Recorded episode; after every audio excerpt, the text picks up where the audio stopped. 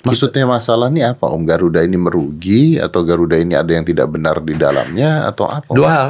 Satu merugi karena satu keadaan salah manajemen.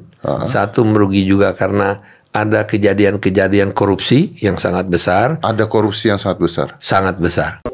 Pak Soeharto dulu di mata Om secara jujur seperti apa? Luar biasa. Luar biasa. Seorang bapak pembangunan, ya, seorang yang eh, betul-betul dapat memimpin satu negara yang sedang berkembang, ya, eh, seorang yang sangat difitnah. Anda tuh harus dipakai oleh pemerintah untuk menyampaikan pesan-pesan yang baik. Nanti kita harus bicara masalah ini. Amin. Om. Karena kita memerlukan orang-orang seperti Dedi. Five, four, three, two, one, close the door. Ini luar biasa banget saya kedatangan Bapak Peter F. Gonta. Aduh Om, saya kalau ngomongin Om pusing deh Om, karena di sini ditulisnya, nah ini you have to know this. Di sini ditulisnya bahwa Bapak Peter ini membuat program berita seputar Jakarta di SCTI, terus ada seputar Indonesia, mendirikan Innovation First Media, Plaza Indonesia, SCTV, Mulia Group, pemilik konsep festival musik terbesar Indonesia pertama, eh dipilih SBY menjadi dubes RI di Polandia selama empat setengah tahun, dekat dengan keluarga Cendana, macem-macem banget sampai sekarang juga Bapak ada di City, CT Corp. Hairul Tanjung Corporation. Jadi, Ya. jadi sebenarnya Om itu apa sih? Saya sering sekali masuk dalam atau merupakan korban daripada kesalahan teknis saja. ya saya seorang profesional. Ya dalam arti kata saya ini mulai dari Citibank, kemudian di Amex. Eh, pada umur 32 tahun saya sudah eh, terus terang aja kalau boleh saya ceritakan, saya umur 32 tahun sudah membawahi 14 negara. 14 negara. 14 negara mulai dari Jepang sampai ke Selandia Baru, Australia juga eh, dan membawahi operasi daripada eh, American Express itu. Dan pada umur 32 tahun ya eh, saya akhirnya kembali ke Jakarta 34 tahun kembali ke Jakarta dan bertemu dengan eh, Bambang Triatmojo anaknya Parto dan ya beliau meng-hire saya dan saya mulai be- mulai bekerja di Jakarta waktu itu. Maksudnya gimana caranya Om? Om kan kalau nggak salah saya baca katanya awalnya dari klasi kapal, ngebersihin kapal, and then you becomes very successful. That's kind of impossible if you think lah. Begini, eh, menurut saya itu cuman itu hanya suratan aja menurut saya.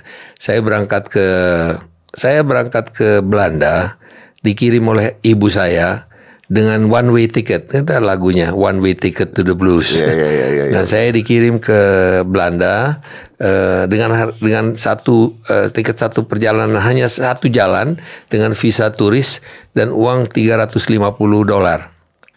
Eh, pada saat itu ya 350 dolar cukup banyak dan saya dikirim ke situ di harus survive. Kenapa kalau umpama saya tinggal di Jakarta mungkin jadi masalah saya. jadi dikirimlah jauh-jauh saya. Oh, dikeluarin. Di, dikirim jauh-jauh. Ya, ya. Agar supaya em, mungkin mencari kehidupan dan lebih lebih tertib ya di situ. Ya, tapi how can you be successful? Begini, menurut hemat saya di mana ada kemauan di situ ada jalan. Eh, dan buat saya eh, apa namanya ausdauer kita atau apa namanya ke- keinginan kita untuk maju eh, itu sesuatu yang eh, mungkin merupakan salah, satu aset saya. Terus terang aja saya dulu sekolah di Kanisius. Oke, ah, cowok semua tuh, Om, ya? Itu Kanisius cowok sekolah semua. cowok semua. Iya. Dan di Kanisius pun saya dikeluarin. Gara-gara gara-gara eh, agak terlalu nakal mungkin terlalu nakal Eh, satu hari ada seorang pastor itu eh, sedang baca buku kemudian dia membaca buku kemudian dikerumuni oleh banyak anak tapi saya agak sebel sama pastor ini saya jitak kepalanya kepalanya kepalanya kan dia lihat di mana orang itu kepalanya pastor. pastor saya jitak. Tapi nggak dia tanya siapa yang jitak? Kan banyak ada kira-kira 10-15 orang di belakangnya. Nggak ada yang mengaku dan nggak ada yang berani katakan bahwa itu saya. Tapi ada satu orang yang mengkhianati. Dia kasih tahu itu saya. dan akhirnya saya dikeluarkan dari Kanisius pada waktu SMA kelas 2. Ya, gimana sih? Kenapa kenapa iseng banget kepala pastor Om Jitak itu kan iseng banget. Itu ya kita pada saat itu umur saya tuh lagi tanggung-tanggungnya dan memang lagi mungkin nakal-nakalnya ya dan iseng aja gitu. Karena pastor ini suka menghukum saya. Dia suka hukum saya kalau saya terlambat itu masuk sekolah. Itu di Kanisius kan suka ditulis, saya jangan terlambat lagi masuk sekolah. Itu bisa suruh tulis 200, kali. 200 kali benar. Iya kan? Hukuman lah itu biasa kan Om, bener Om. Dan, Terus ya saya agak kurang suka lah sama pastor ini. Kenapa dia suka cari masalah sama saya? Akhirnya saya iseng aja, jitak saya pikir kan bukannya apa-apa nakal aja. dan Bukan- ketahuan.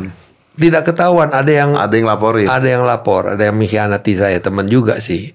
Jadi lah. akhirnya saya dikeluarkan dari sekolah. Tapi di situ saya belajar disiplin. Ya harus masuk jam 7, jam 7. Kita janjian jam 11, kita paling enggak jam 11 kurang 10 sudah harus ada di tempat.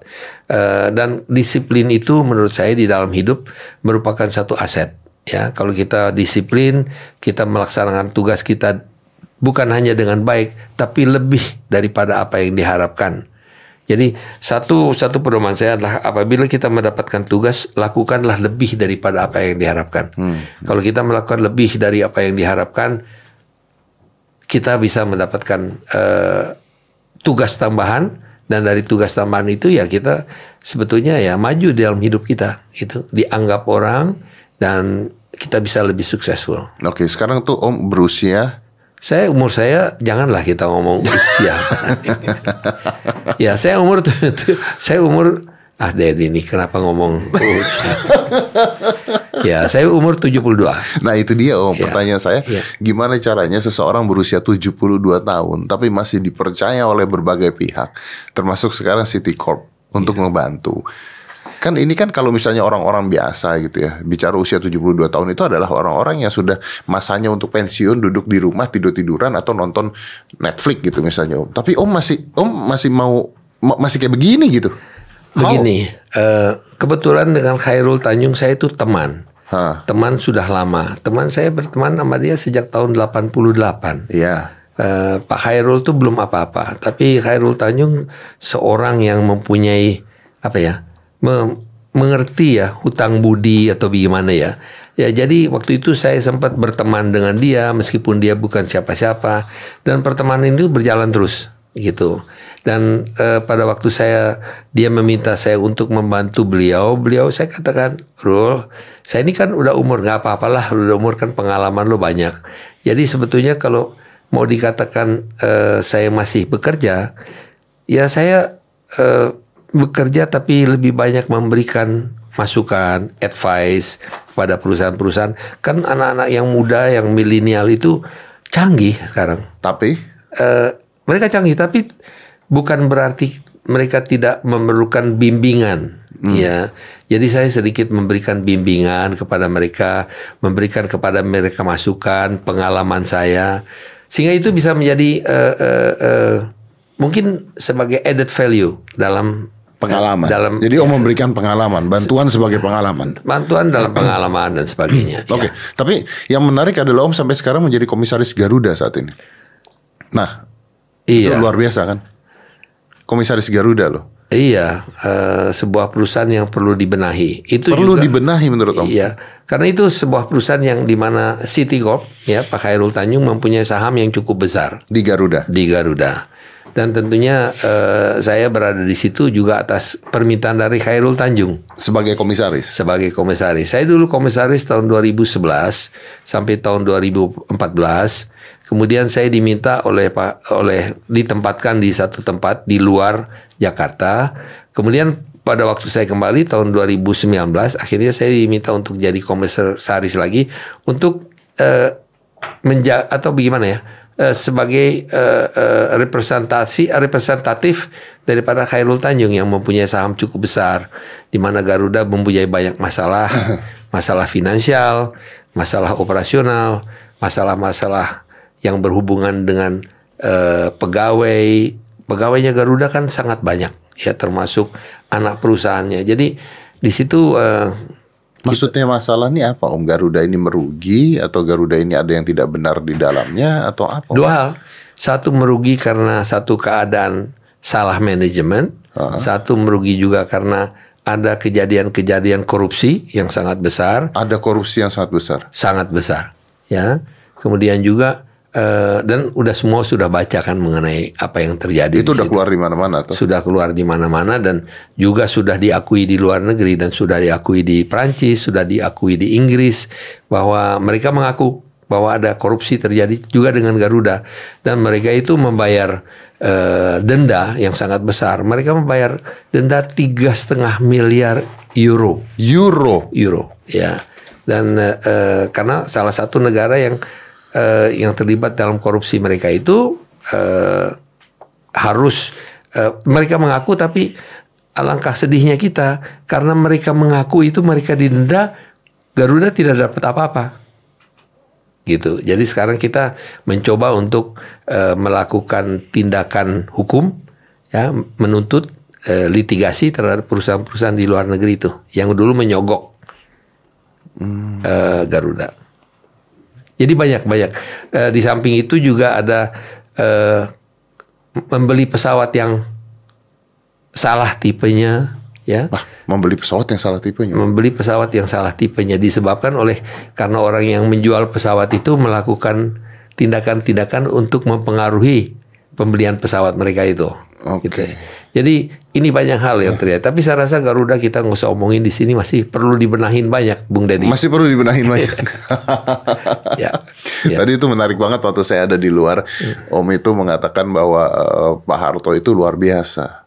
Karena Om kan didekatkan dengan keluarga Cendana katanya Om ya. Oh ya. Saya ini kroninya Bambang Triatmojo.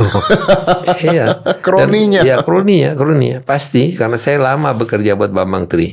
Saya bekerja da- da- untuk Bambang Tri dari tahun 1983 sampai tahun 1994, 11 tahun saya kerja buat beliau eh, di Bimantara Citra. Dan saya banyak eh, eh, melakukan eh, eh, negosiasi, mendirikan perusahaan-perusahaan, antara lain mungkin tahu ya, eh, saya diminta untuk eh, memanage mendirikan RCTI, Iya, ya, iya.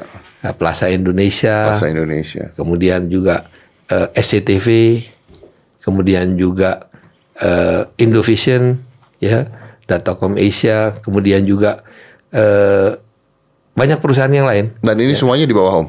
Ini semua saya yang handle dulu. Wow. Ya, betul. Jadi saya berutang budi banyak kepada Bambang, meskipun saya di situ sebagai profesional eh, dan eh, saya bekerja di situ sebagai eh, profesional untuk banyak mendirikan perusahaan-perusahaan yang tidak ada hubungannya dengan pemerintah, Oke. Oke. lepas dari pemerintah, dari pemerintah. Nestle, Mercedes-Benz dan sebagainya. Oke, nah Om, eh, kan kalau kita yang muda-muda ini kan eh, tidak mengenal eh, presiden kita Bapak Soeharto dulu. Nah, tapi kalau menurut Om, Pak Soeharto dulu di mata Om secara jujur seperti apa? Luar biasa. Luar biasa. seorang bapak pembangunan ya seorang yang betul-betul dapat memimpin satu negara yang sedang berkembang ya Eh, seorang yang sangat difitnah. Sangat difitnah menurut menurut saya ya. Dikatakan bahwa beliau seorang diktator dan sebagainya. Saya masih tidak melihat di mana diktatornya Pak Harto itu. Saya masih sampai hari ini saya mempertanyakan orang mengatakan Pak Harto itu diktator saya masih belum tahu apa di mana dan apa alasannya. Mereka mengatakan itu Ya kan kalau dulu kan gosip-gosipnya kan adalah banyak sekali dari HAM, dari mana, dari orang eh, kebebasan bicara dan sebagainya. Itu kan gosip-gosipnya seperti itu. Dulu memang kan ada yang namanya Departemen Penerangan Iya, dulu ada namanya Pak Harmoko iya. ya Pak Harmoko kan ada singkatannya tuh namanya Apa tuh? ya apa ya ada singkatnya katanya sih hari-hari omong kosong Kata. tapi enggak beliau itu adalah merupakan juru bicara Oke. ya dan kalau ada koran yang menulis macam-macam itu di bredel Di Bredel. di bredel Nah itu kan maksudnya apakah eh, boleh seperti itu kebebasan pers dan sebagainya? jadi udah pernah ke Singapura dong Udah. atau sering ke Singapura Mungkin dong sering. teman-teman sini di Singapura kita orang-orang Indonesia yang datang ke Singapura yang nggak tertib tiba-tiba kita jadi tertib ya kita kok jadi takut untuk bikin sesuatu untuk ngomong sesuatu buang sampah aja takut. buang sampah tak takut makan permen karet kita takut apalagi kita eh, berani-beraninya memberikan uh, kritik kepada pemerintahan di Singapura. Coba aja di Singapura kalau kita ngomong sedikit bebas, kita besok ditangkap. Langsung kita diperiksa. Ya, kita menulis sesuatu langsung kita dipanggil. Hmm. Jadi kalau saya kebebasan berbicara itu kita tidak jangan mengikuti Amerika Serikat karena itu satu negara yang sudah uh, sudah merdeka 200 tahun lebih ya. Sementara kita baru masih mencoba untuk membangun negara kita. Jadi kebebasan berbicara itu kita semua mau bebas berbicara ya lihat apa yang terjadi sekarang. Bebas berbicara terlalu fitnah-fitnah uh, memaki-maki pimpinan negara dan sebagainya bagus nggak menurut Bung Dedi? Ya tidak baik. Menurut saya itu tidak baik. Itu. Jadi kita masih memerlukan demokrasi yang terpimpin. Dari zamannya Bung Karno itu namanya demokrasi terpimpin. Kita boleh berdemokrasi tapi di dalam batas-batas tertentu, ya, tidak seenaknya. Nah, kalau kita berbicara masalah HAM, saya contoh di Singapura. Kalau seseorang itu melakukan grafiti di tembok anak-anak atau apa, apa yang mereka lakukan? Dicambuk. Dicambuk betul. Dicambuk pakai cambuk bambu. Makanya Singapura itu bersih, nggak ada grafiti seperti di sini. Coba kalau kita lakukan, seorang yang lagi melakukan grafiti di jembatan-jembatan, kena ham. Langsung kalau mau dihukum, wah yang protes tuh puluhan juta atau ribuan orang karena itu ham, hak asasi manusia untuk mencoret-coret.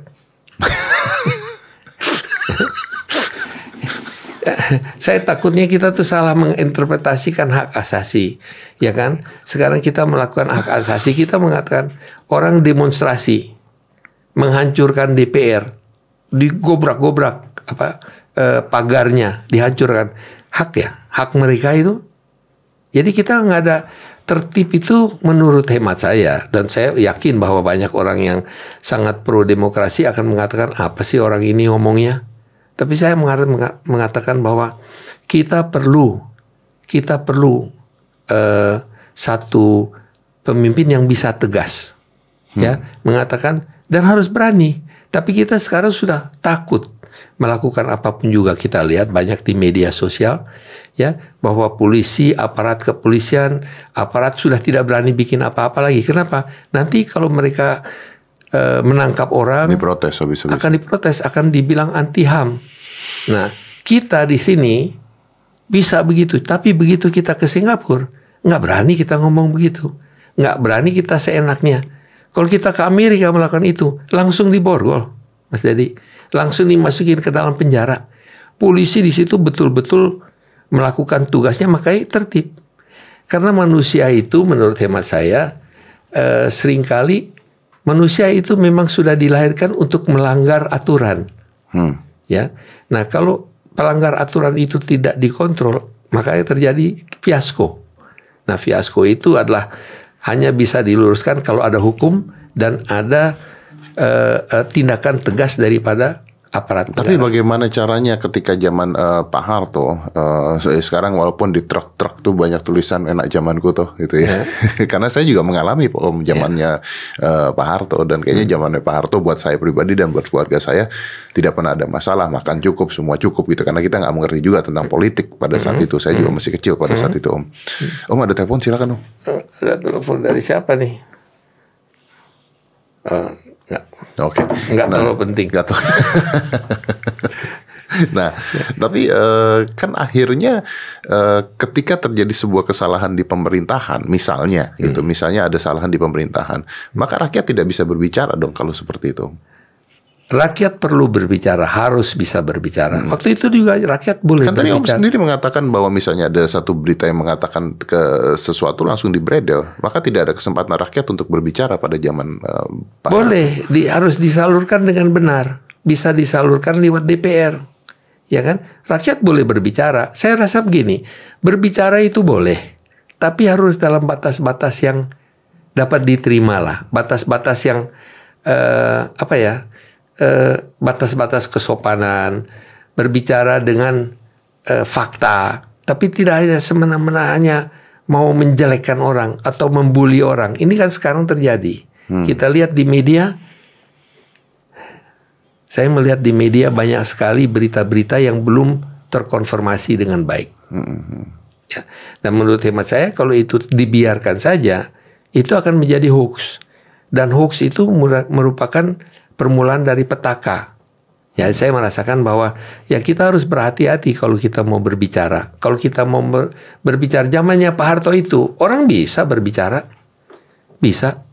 Nggak jadi masalah, cuman orang hati-hati berbicaranya apa. Banyak kan orang-orang yang anti Pak Harto juga berbicara. Mohon maaf nih, bukan berarti bahwa kalau kita berbicara terus kita dimasuk ditangkap masuk penjara. Yang menjadi masalah kalau itu berhubungan dengan pembangunan daripada negara kita, ada satu polisi dari pemerintah yang menurut pemerintah itu adalah benar, kemudian itu dikritik tanpa alasan, nah itu orang itu akan berhadapan dengan hukum. Ya kan soalnya om beritanya dulu ya setahu saya nih om ya hmm. kan gosipnya kalau misalnya asal ngomong hilang asal ngomong hilang kan itu kan ya, apa gosip begitu bener gak sih om?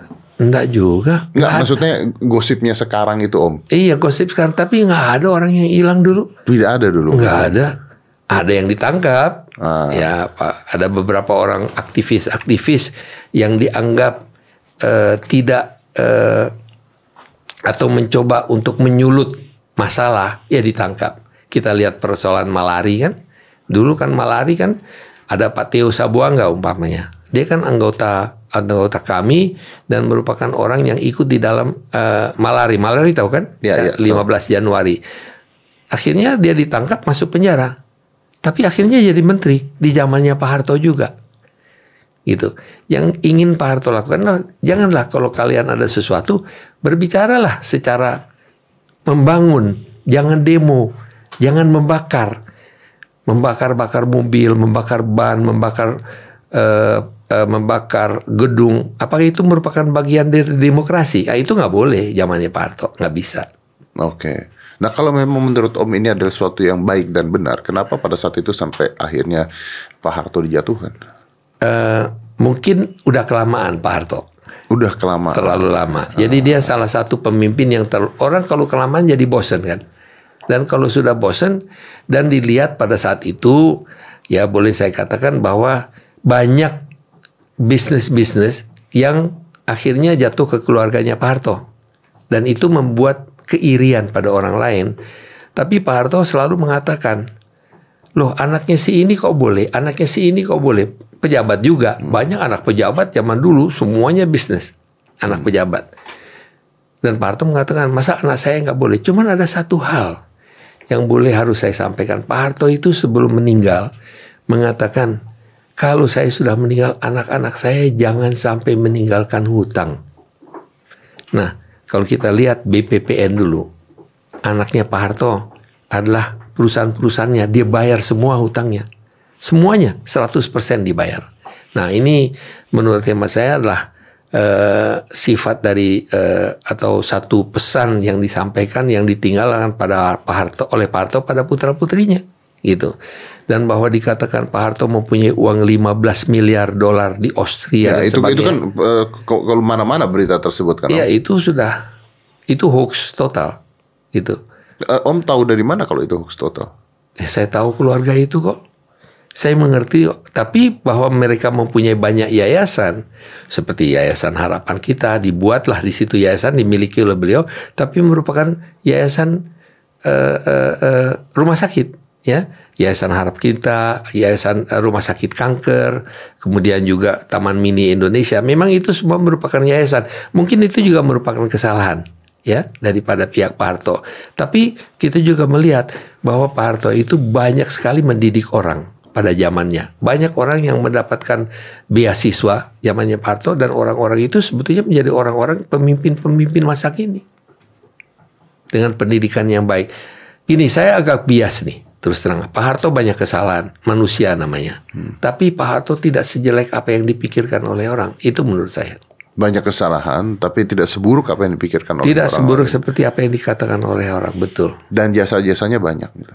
Luar biasa jasanya Pak Harto Pak Harto diakui oleh uh, uh, FAO ya, uh, lembaga dunia untuk makan pangan ya, dianggap sebagai seorang yang berhasil membuat uh, uh, apa namanya uh, kemandirian di dalam pangan ya. eh, kita melihat bahwa industri berkembang zamannya Pak Harto. Kita melihat bahwa banyak orang yang datang ke Indonesia untuk melakukan investasi dibukanya, tapi Pak Harto punya kesalahan. Banyak kesalahannya Pak Harto, bukan berarti bahwa dia lepas dari kesalahan, ya. Tapi Pak Harto tidak seburuk seperti apa yang dikatakan orang-orang lah. Oke. Sebenarnya gosip-gosip yang tidak jelas itu tuh datangnya dari mana sih Om? Maksudnya kayak eh, ini kalau nggak salah saya sempat kemarin baca berita tentang eh, aduh saya lupa lagi. Tapi mengungkap tentang misalnya kematian Ibu Tin yang sebenarnya kan ada gosip yang ketembak ingat gak Om dulu Om itu Om? Itu tuh datangnya dari mana gosip-gosip seperti itu? Atau Ya, dibuat kan? Dibuat lah. Dibuat. dibuat. Namanya hoax. Zaman juga yuk, dulu udah banyak hoax. Hoax itu bukan dari zaman sekarang. Hoax itu sudah berada dari dulu sudah ada hoax. Sudah ada hoax ya? Hoax itu merupakan sesuatu yang biasa dilakukan oleh oposisi. Oke. Orang yang tidak suka dengan pemerintahan suka mengeluarkan hoax. Ya itu di Amerika demikian, di Inggris pun demikian. Di mana ada pemerintahan selalu ada Oke, oposisi. kalau Om bicara seperti itu kan Om udah ke mana-mana ya, Om juga duta besar juga gitu ya. Menurut Om sebenarnya negara apa yang saat ini eh, paling baik dalam eh, menjalankan pemerintahannya? Bisa nggak di eh, omongin Om? Jepang, Jepang menurut Om. Kenapa Jepang? Jepang tertib, ya. Oke. Eh, politiknya di situ juga bersih. Tapi bersih-bersih politik banyak juga yang hara kiri karena juga terima suap. Jadi kalau kita membicarakan di mana sih sebetulnya politik itu kotor. Di mana-mana politik itu kotor. Mau itu di Amerika, mau itu di Jepang, mau itu di Australia, mau itu di Jerman, mau itu di Eropa, di Inggris. Politik itu kotor. Karena orang yang ingin mendapatkan kekuasaan atau mau mencapai kekuasaan selalu harus bermain kotor. Kalau nggak nggak sampai gitu. Nah kalau saya katakan di mana negara yang paling tertib, ya Singapura salah satu. Tapi apakah di situ ada demokrasi? Menurut saya tidak ada. Menurut Om tidak ada. Tidak ada demokrasi di Singapura. Tapi orangnya diam-diam aja tuh ya. Kok tidak ada protes, tidak ada ribut, tidak ada apa? Perutnya kenyang. Perutnya kenyang. Kalau di Indonesia harusnya hukumnya baik, ya hukumnya keras, asalkan orang tenang dia nggak ribut. Di sini hukum tidak ada, korupsinya luar biasa. Kita kan merupakan salah satu negara yang korupsinya tertinggi di dunia, salah satu negara yang tertinggi di dunia. Nah makanya saya kenapa bisa bicara dan berani bicara begini, Bung Dedi. Satu hal saya dari zamannya Soekarno, ya, Bung Karno, Soeharto, Pak Habibie, Gus Dur, Ibu Mega, SBY, Pak Jokowi, saya ini masih ada terus gitu. Kok berani ngomong? yang saya katakan, saya lupa nyuri. Betul, saya kan saya lupa nyuri selama ini. Orang mengatakan saya kru, saya kroninya Bambang, jelas. Saya kroninya dari Cendana, jelas. Tapi saya nggak ikut menyuri, mencuri gitu. Saya dibayar dengan baik. Saya jadi kacung orang lah. Saya jadi kacung dari pengusaha.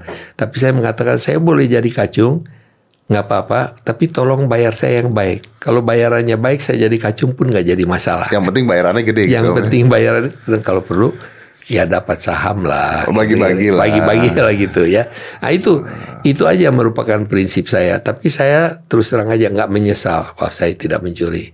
Kalau nggak saya nggak bisa bicara begini dengan Bung Deddy. Dan saya mengatakan saya kan nggak ada masa depan lagi. Umur saya udah 70. Ya, masa depan saya hari ini gitu.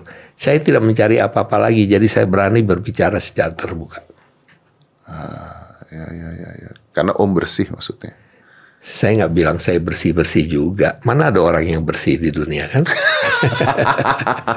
Nakal-nakal juga, banyak nakal juga gitu. Iya, iya. Iya, iya. bener juga Om ya. Nah, kalau Om melihat bahwa Singapura itu eh, nyaman dan sebagainya, sekarang semua satu dunia Om mau telepon minum? Mau minum boleh? Iya, silakan Om, silakan. Itu diedit kan nanti? Yang mana Om? Diedit kan? Ini kalau lagi minum. Oh, nggak apa-apa Om, minum nggak dibuang ya nggak apa-apa kok. Oke. nah Om, eh, eh, COVID nih Om. Artinya kan banyak yang rusak Om. Garuda pasti kena. Ini saya masih nggak ngerti nih Om. Kayak Garuda tuh gimana mau survive nanti ketika COVID-19 ada, duduk harus dipisah-pisah. Artinya kan penumpang jadi tambah sedikit. How how how can you make this survive? nggak bisa, susah. Nah, lu. Tapi Kenapa jawabnya gak? ya, harus kita harus usaha. Kalau kita usaha pasti bisa, ya.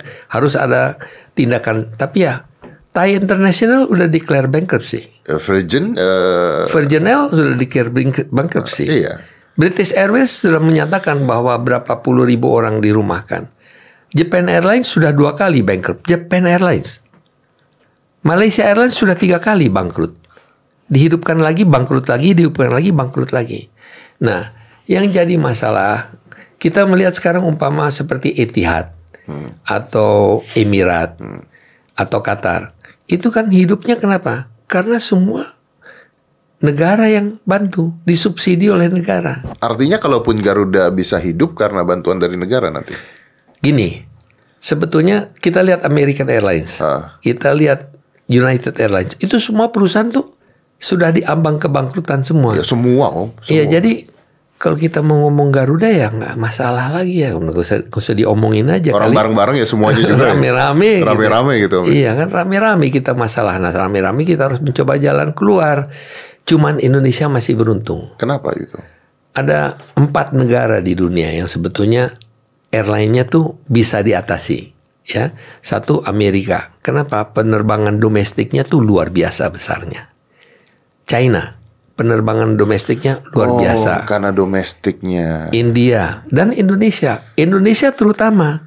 Kenapa? Kalau di India orang mau dari Bombay ke New Delhi atau dari Madras mau ke New Delhi bisa pakai mobil. Hmm, Kalau Indonesia mau dari Jakarta ke Makassar naik apa? Gugus pulau soalnya jadi dia laut dan Ha- sebagainya. iya dan laut. Dan kalau mau ke Manado bagaimana caranya? Dari Medan mau ke Bali bagaimana caranya? Kan mesti bisa naik mobil tapi kan perjalanannya panjang. Mesti ada ferry mesti ada infrastruktur yang baik. Jadi kita sebetulnya beruntung kalau kita bisa mengkonsentrasikan eh, penerbangan domestik. Ini gini ya Garuda nih Garuda Garuda kalau membatalkan semua penerbangan internasional, nggak usah terbang ke Singapura, nggak usah terbang ke Amsterdam, Indonesia aja nih. Indonesia untung Untung. untung besar. Tapi Garuda oleh karena merupakan flag carrier ya dari Indonesia harus membawa bendera Indonesia untuk terbang ke Amsterdam. Terus terang aja, Yang bikin rugi itu. itu bikin rugi. Itu bikin rugi. Jakarta London ruginya besar sekali. Setiap penerbangan. setiap penerbangan itu per tahunnya jutaan dolar ruginya. Tapi pemerintah mengharapkan kenapa? Coba Mas Dedi ya, kalau lagi berada di London, ya, lagi di airport tiba-tiba melihat Garuda mendarat, bangga, Bangga. ya kan? Tapi bangga tapi rugi Tapi image. image. Kenapa? Harus jadi kita tuh ingin membawa turis ke Indonesia. Jadi ada masalah. Turisme itu membawa keuntungan yang sangat besar. Garuda disuruh membawa turis sebanyak mungkin dengan harga yang sedikit Keuntungan devisa ketika sudah berada di Indonesia. Tapi penerbangan ke sininya merugikan. rugi. Nah, harusnya ini harus disubsidi oleh pemerintah. Harusnya. Kita melihat Singapura sekarang. Singapore Airlines atau pemerintah Singapura memberikan eh, memberikan membail out Singapore Airlines kan mau bangkrut nih. Di bail out dengan 14 miliar Singapura dolar. 14 miliar Singapura dolar. Itu sama dengan sekitar 11 miliar US dollar. Ya, di bail out. Kenapa Singapura mengetahui tanpa Singapore Airline Singapura mati. Karena industri pariwisata adalah salah satu industri yang terbesar. Kita di Indonesia minta dibantu 400 juta dolar aja dari pemerintah. Nggak bisa. Karena urusannya terlalu besar. Indonesia tuh terlalu besar negaranya. ya Dan banyak kepentingan-kepentingan lain. Jadi da- Garuda disuruh survive aja sendiri. ya Kita lihat pemerintah Thailand membangkrutkan Thai Airline. Membangkrutkan. Membangkrutkan. Nah, tapi Thai Airline itu kan kepemilikannya adalah total pemerintah Thailand. Jadi kalau bangkrut, semua utang-utangnya kan hilang. Pun dibangkrutkan. Nah kalau Garuda dibangkrutkan kan ada pemegang saham publik. kalau dibangkrutkan pemegang saham publik uangnya habis dong Iya. total bisa sampai triliunan 10 triliun mungkin kalau pemegang saham publik mungkin 22 triliun Pada protes semua tuh. semua protes kalau dibangkrutkan begitu saja jadi ini merupakan masalah-masalah yang berbeda ya dari Singapore Airlines. Orang mengatakan loh kok Singapore Airlines bisa survive? Kok tidak dibangkrutkan? Negara tahu Singapura itu Singapore Airlines diperlukan oleh negara. Pariwisata. oleh untuk pariwisata ya. Tapi kita lihat umpamanya Thai International dia bangkrutkan aja nggak jadi masalah. Kenapa? Ya karena itu pemerintah punya dibangkrutkan. Japan Airlines loh salah satu perusahaan penerbangan yang begitu besar bangkrut Swiss Air bangkrut Alitalia bangkrut Air France bangkrut KLM bangkrut jadi sebetulnya Garuda nggak jadi masalah juga ya rame-rame Rame-rame bangkrut jadi nggak ada masalah bangkrut. ya. Tapi kita juga sebetulnya seperti saya kita katakan tadi, kalau kita cuma mau terbang domestik aja, Udah untung. udah untung kita. Boleh nggak sih kita menolak terbang keluar? Boleh aja. Tapi pemerintah kan bilang, "Loh, kan flag carrier. Tolong dong, kita kan negara kita mesti mempromosikan. Ya kan? Nah, kita tuh apalagi sekarang salah satu keuntungan Garuda adalah dari penerbangan haji. Haji diberhentiin. Itu Haji- kalau penerbangan haji menguntungkan. Penerbangan haji menguntungkan.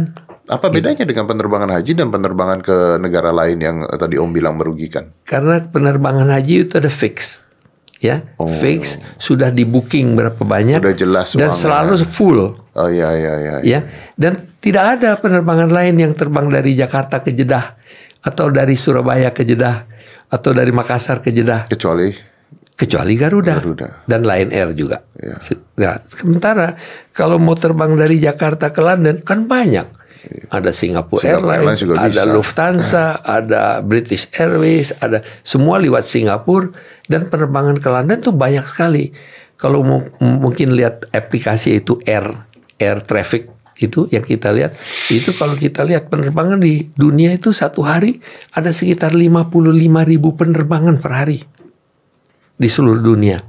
Dan dari Asia ke Eropa aja ratusan. Nah, jadi Garuda harus bersaing dengan mereka kan Nah Om sendiri nggak pusing Om untuk untuk ngurusin ini nanti?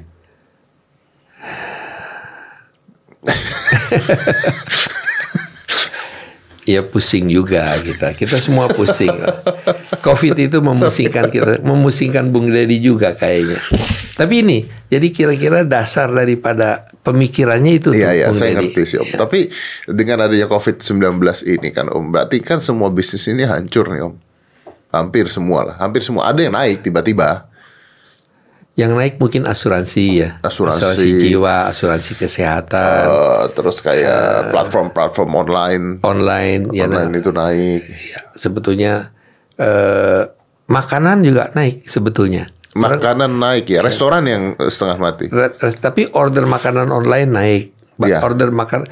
Tapi saya lihat banyak sekali seperti mall ya, itu akan merupakan masalah. Nah itu dia Om kan Ya. eh, nanti mall itu kan masuk katanya dibatasin Om. Mas masuknya dibatasin, ada peraturan-peraturan the new normal. Nah tapi kan eh, rental mallnya nggak dikurangin Om.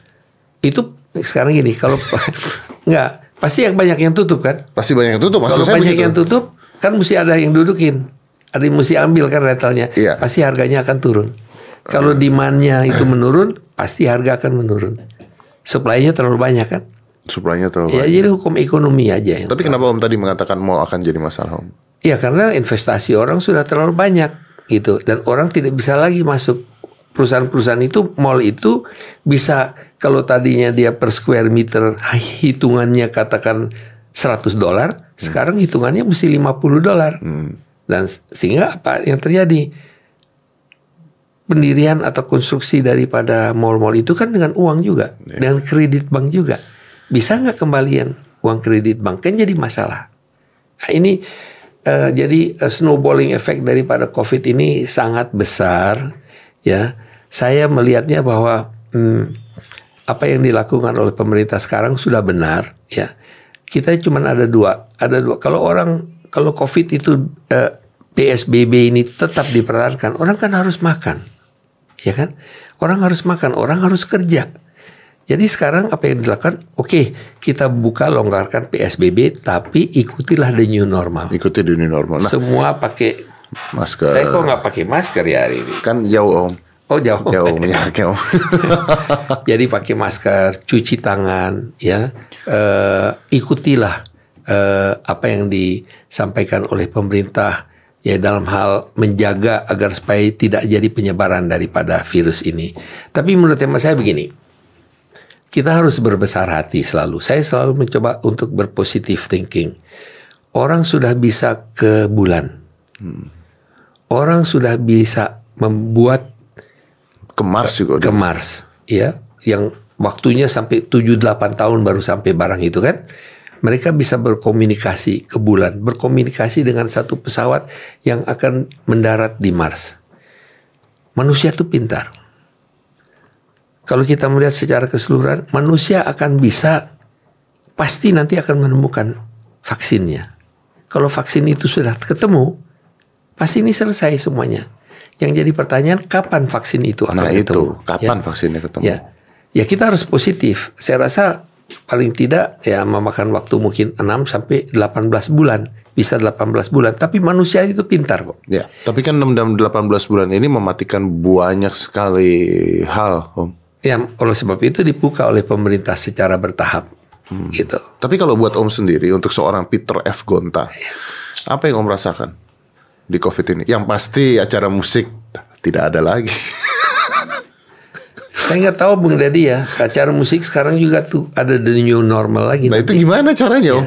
Saya rasa kalau vaksin itu sudah diketemukan dan sudah bisa Kalau vaksinnya ditemukan, nggak sekarang ini gimana? Berarti uh, tidak ada dulu dong, Om, berarti semuanya. Tidak ada, tapi itu kan urusan anak saya, bukan saya. Ya biar dia aja yang pusing. urusannya Dewi, urusannya Dewi. Tapi kita harapkan bahwa itu, tapi sekarang kan banyak konser-konser online dan itu tentunya tidak tidak seperti yang live ya, di mana semua orang Saya nggak dapat feeling ya, Om. nggak dapat feelingnya, Iya, betul. jujur aja nggak dapat Iya, feeling. nggak dapat nggak dapat feelingnya. Tapi eh, nanti ada perubahan-perubahan. Tapi kita harus yang pasti kita harus menunggu vaksin itu Nah, Om, dapatkan. benar sekali Om. Dan menurut Om nih, barang-barang branded Om, barang-barang branded, barang-barang mahal ya, Eh, sosialita-sosialita itu, barang-barang itu mati Om. Iya juga sekarang mereka dong demikian ya pasti. Karena kita lihat begini aja. Saya nggak tahu Bung Deddy lihat eh, video yang di Amerika itu di mana orang tuh bansos makanan, orang mobil ngantri, orang naik Mercy, orang naik SUV yang paling mahal ngantri untuk dapat bansos. Jadi negara-negara yang maju itu pun mereka hidupnya memang eh, dengan kredit ya. Tapi kalau kita lihat secara keseluruhan, mereka pun menderita. Jadi kalau negara-negara maju saja menderita, Apalagi kita gitu. apalagi kita. Ya kan artinya sekarang orang yang punya duit aja, misalnya punya duit nih ya, kita nggak bicara orang yang A satu lah, yang duitnya nggak habis-habis gitu ya. Kita bicara orang-orang yang orang Menengah, orang menengah ke atas. menengah ke atas gitu, Iya. yang punya duit yang tadinya bisa beli jam tangan Rolex, tadinya bisa beli LV, bisa beli Hermes gitu ya. Sekarang kan mikir dia om, Dia. Ini gua nggak tahu ke depannya gimana nih. Jadi dia Mendingan mulai saving. saving, Iya. E- either dia invest Iya. atau either dia buat makan, buat sekolah anaknya dan sebagainya. Kan akhirnya ini terkena nih barang-barang branded ini akhirnya terkena sekali. Barang branded itu biasanya orang membeli bukan karena dia punya uang ya. Iya. Tapi karena dia mengharapkan bakal mendapatkan tambahan uang. Jadi kita beli nih hari ini. Beli Supaya kan? untung. Enggak, saya beli aja barang ini. Ah. Kan bulan depan saya ada untung lagi. Iya. Jadi orang kadang hidup Investasi. orang hidup in the future sudah mengeluarkan uang dulu, uangnya baru belakangan datang. Iya. Orang hidup atas kredit. Contoh aja beli rumah. Rumah banyak beli dengan kredit, Hmm. ya kan? Bank memberikan. Nah, kita harus kasih tahu berapa sih pendapatan kita Hmm, setiap bulannya. Jadi we are living on the future income. Hmm. And Orang is it- is it wrong? Enggak, itu udah merupakan kebiasaan. Makanya ada bank. Ya oke. Ya. Oke. Nah, itu biasanya adalah orang-orang kelas menengah atas. Dan orang-orang kebanyakan beli barang-barang branded itu sebenarnya bukan untuk dirinya sendiri kan om, tapi untuk supaya orang lain lihat kan. Ketika Ah. orang tidak boleh keluar dari rumah, ketika orang PSBB, dia beli tas Hermes baru mau nunjukin ke siapa om? Enggak juga ya. Kadang-kadang barang sorry nih, kadang-kadang barang yang mahal itu enak pakainya. Coba celana dalam kan ada yang branded juga enak pakainya. Kalau iya, kita iya. pakai Hings kan kadang-kadang longgar. Tapi kalau ya itu kan nggak kelihatan juga. Tapi pakai sepatu juga kadang-kadang kita nggak tahu mereknya tapi enak Ah, aja dan dan mungkin kesenangan pribadi om. ya. kesenangan pribadi Kesenangan kalau pribadi. Louis Vuitton atau Hermes ya itu memang itu kan sudah, nah itu maksud saya gitu. itu memang orang-orang yang udah kebanyakan duit lah Iya, Ya. tapi kan tujuannya membeli kan pasti ingin supaya orang lain juga lihat dong om, bukan ditaruh atau ada orang beli ditaruh di lemari doang dinikmatin, ada ya? Ah, banyak Banyak ya om. ya? dikumpulin tuh di apa eh, Louis Vuittonnya sama Hermes itu bisa dipajang di rumah. Eh, koleksi aja. Iya sih banyak sih. Koleksi. Jadi itu sebetulnya sesuatu yang eh, yang biasa lah. Memang orang itu konsumerisme itu merupakan bagian daripada sifat manusia. Iya betul, tapi tapi sekarang produk-produk itu kena dong pasti om. oh semuanya kena. Toko-toko itu kan kena semua. Apakah mereka lebih kena dibandingkan eh, UMKM biasa? Harusnya. Harusnya lebih kena. harusnya lebih kena. UMKM biasa yang yang kecil-kecil sebetulnya orang sekarang mulai lebih saving. Hmm. ya tidak membeli barang-barang yang terlalu branded. Karena dia nggak tahu masa depan dia bagaimana. Dia nggak tahu pendapatan dia ke depan bagaimana. Orang membeli karena dia tahu wah saya pendapatan saya bulanan saya adalah segini jadi saya berani beli. Tapi sekarang orang hati-hati. Tidak mau beli barang yang mahal. Ya itu ya. Jadi barang-barang branded goods mobil Nah mobil gimana tuh? sama juga Habis tuh. itu juga kena tuh habis-habisan ya Eh, kemudian real estate property juga akan kena Tunggu tunggu, real estate property bukannya orang sekarang malah ingin membeli untuk nyimpan gitu buat investasi. gini orang mau pegang lebih banyak cash is king Do you think? ya cash is king Mereka, nggak takut kalau misalnya inflasi dan sebagainya cash become nothing nanti. eh, orang yang sekarang lebih baik menyimpan uang kalau dia masuk rumah sakit untuk Oh. makan untuk pendidikan anaknya sebelum dia mem- membeli properti or fast going Kecuali, fast- kecuali ada fast uang lebih ya maksudnya. Kecuali kalau uangnya memang lebih. Tapi orang sekarang kan uang lebih itu dipakai kalau kita tahu bahwa di depan kita punya uang. Kita lihat aja artis-artis sekarang. Dulu artisnya hidup flam- flamboyan kan. Sekarang artis harus hati-hati. Minggu depan saya ada pekerjaan nggak? Bulan depan saya ada pekerjaan nggak? Jadi mulainya juga mulai mengkerut gitu. Iya, maksudnya sekarang gini, saya uang ada nih om. Terus saya mau beli rumah nih misalnya buat investasi. Iya. Tapi saya mikir, nah, nanti kalau gua nggak ada job gimana? Nah, itu is exactly that's exactly you said it. Iya, jadi akhirnya wah mendingan nanti dulu deh kita lihat ke depannya gimana. Karena Betul. karena uncertainty berarti om ya. Ke depan ini semuanya menjadi uncertainty untuk semua orang akhirnya. Kita tidak tahu apa yang akan terjadi, nggak tahu new normal Gini ini ya. seperti apa. Kalau saya positive thinking, saya bilang vaksin itu akan ketemu. Iya, tapi kan vaksinnya nggak ketemu besok om.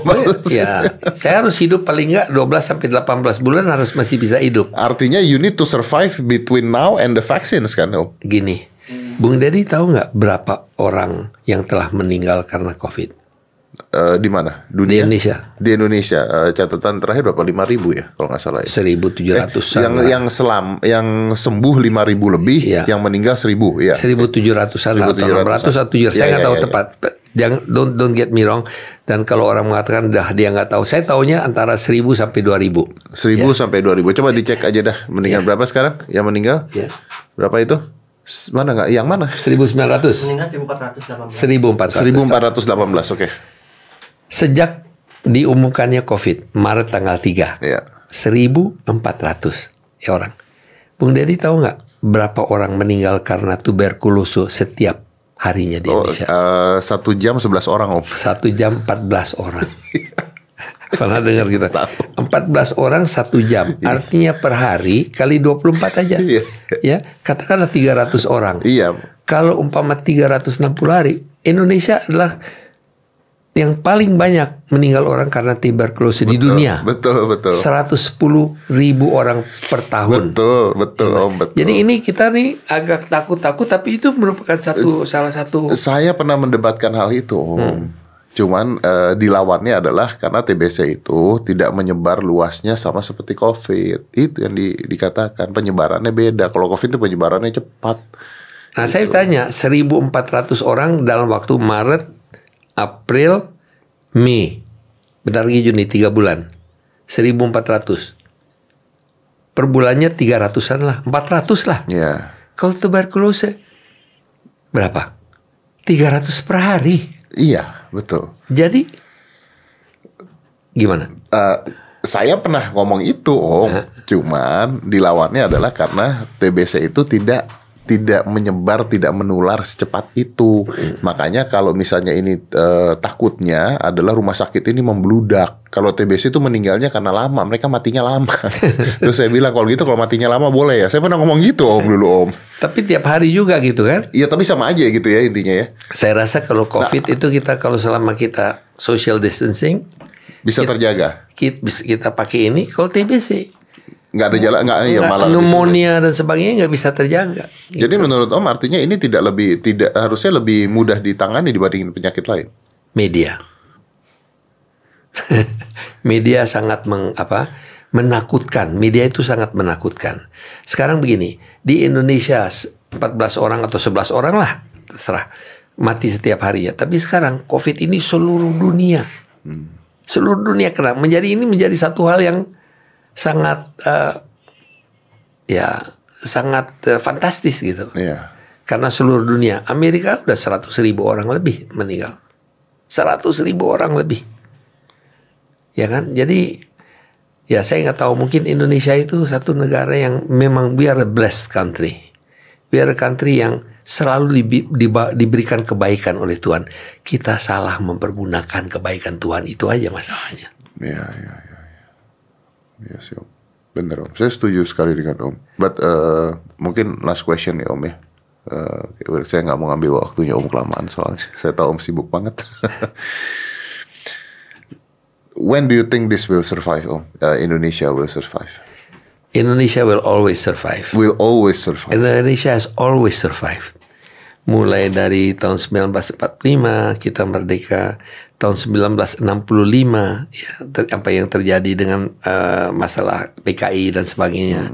Eh, tahun 1978 ya di mana kita devaluasi dan ekonomi kita Oh amburadul. ya itu itu itu itu saya orang tua saya cerita itu katanya duit dipotong setengah Om ya.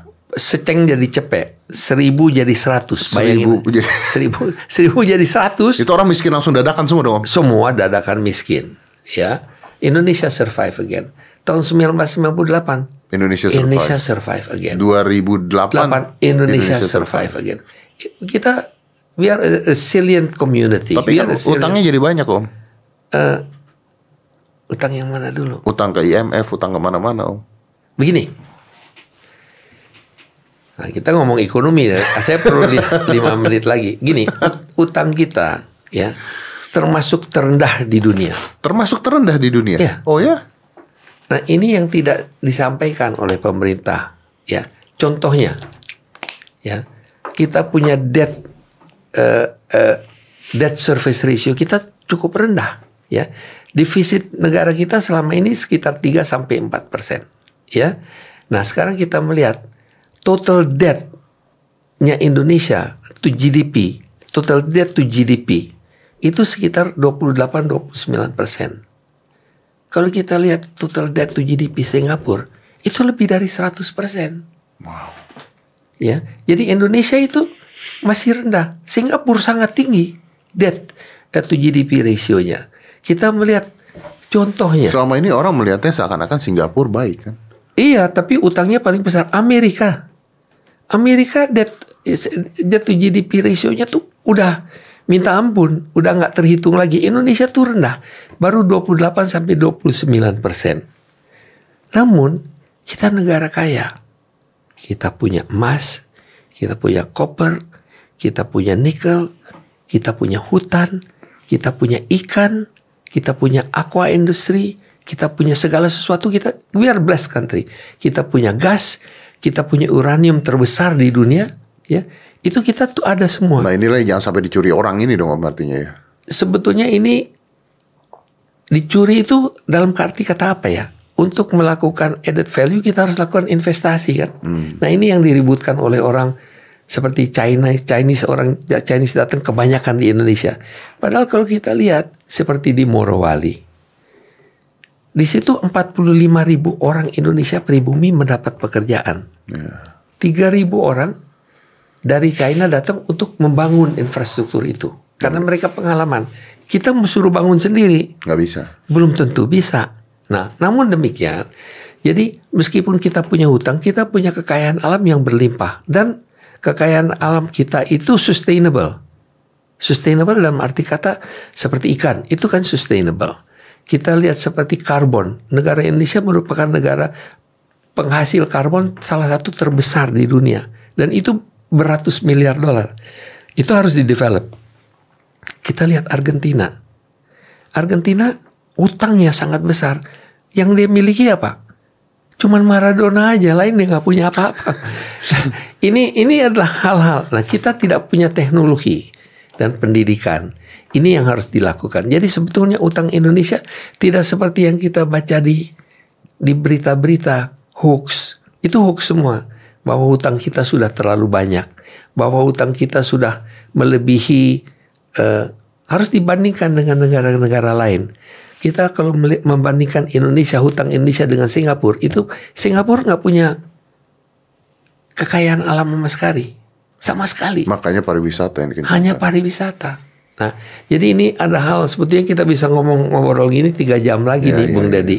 Jadi ini perlu banyak pelurusan-pelurusan. Salah pemerintah sendiri sih, karena pemerintah mempunyai tidak mempunyai uh, apa uh, hubungan masyarakat, informasi yang disampaikan kepada masyarakat itu sangat minim, ya, dan itu harus diperbaiki. Pemerintah tuh tidak memberikan informasi yang tepat ya diberikan informasi secara sangat komprehensif, berbelit-belit tidak dimengerti oleh masyarakat. Yang harus diperlukan adalah orang-orang seperti Pak Deddy Kubursy ini yang harus dipakai oleh pemerintah untuk menyampaikan pesan-pesan yang positif. Ya. Kita memerlukan influencer, menyampaikan pesan-pesan yang positif dengan cara yang mudah dimengerti, dengan cara yang gamblang, dengan cara yang dapat mudah sampai kepada orang-orang yang pendidikannya rendah. Itu aja. Ya. Semudah itu sebenarnya. Sebetulnya nggak terlalu sulit juga. Oke Om Peter, yeah. terima kasih buat uh, kuliah saat yeah. dua SKS-nya.